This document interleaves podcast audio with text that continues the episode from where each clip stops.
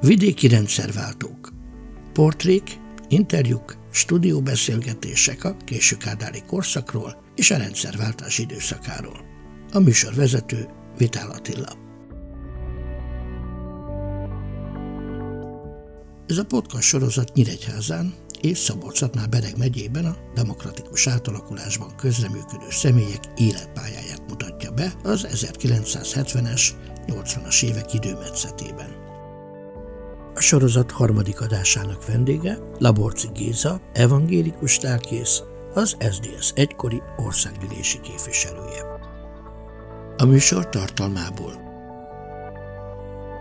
az biztos, hogy bizonyos pozíciók eléréséhez vagy vállalásához feltétel volt, hogy beépített embernek kellett lenni. Ez egy nagyon nehéz élethelyzeteket hozó történet volt. Mert az államnak mi volt az érdeke? Úgy akarta az egyházat felszámolni, hogy el lehetetleníti a lelkészképzést. Akkor is nagyon örültem, és azóta is emberáldozat nélkül volt ez az átmenet. Ez szerintem ez egy óriási, óriási teljesítmény volt mind a két oldalon ülők részéről. Akkor hát kiderült, hogy azok a fiatalok, akik a 80-as években ezekre, ami egyetemisták, főiskolások számára szervezett alkalmainkra jártak, ezek kezdték el alakítani ezeket a helyi pártokat.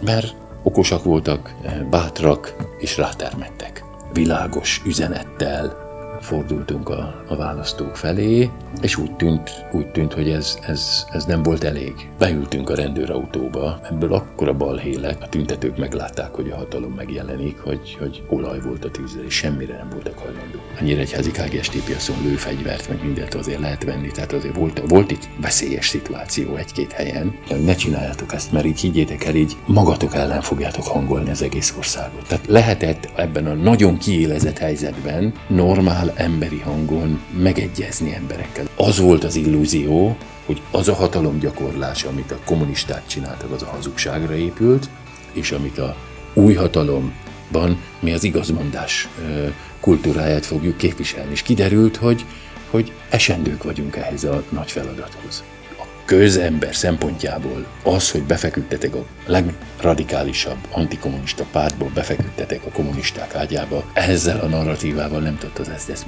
mit kezdeni, mert szétveszítette a kereteit.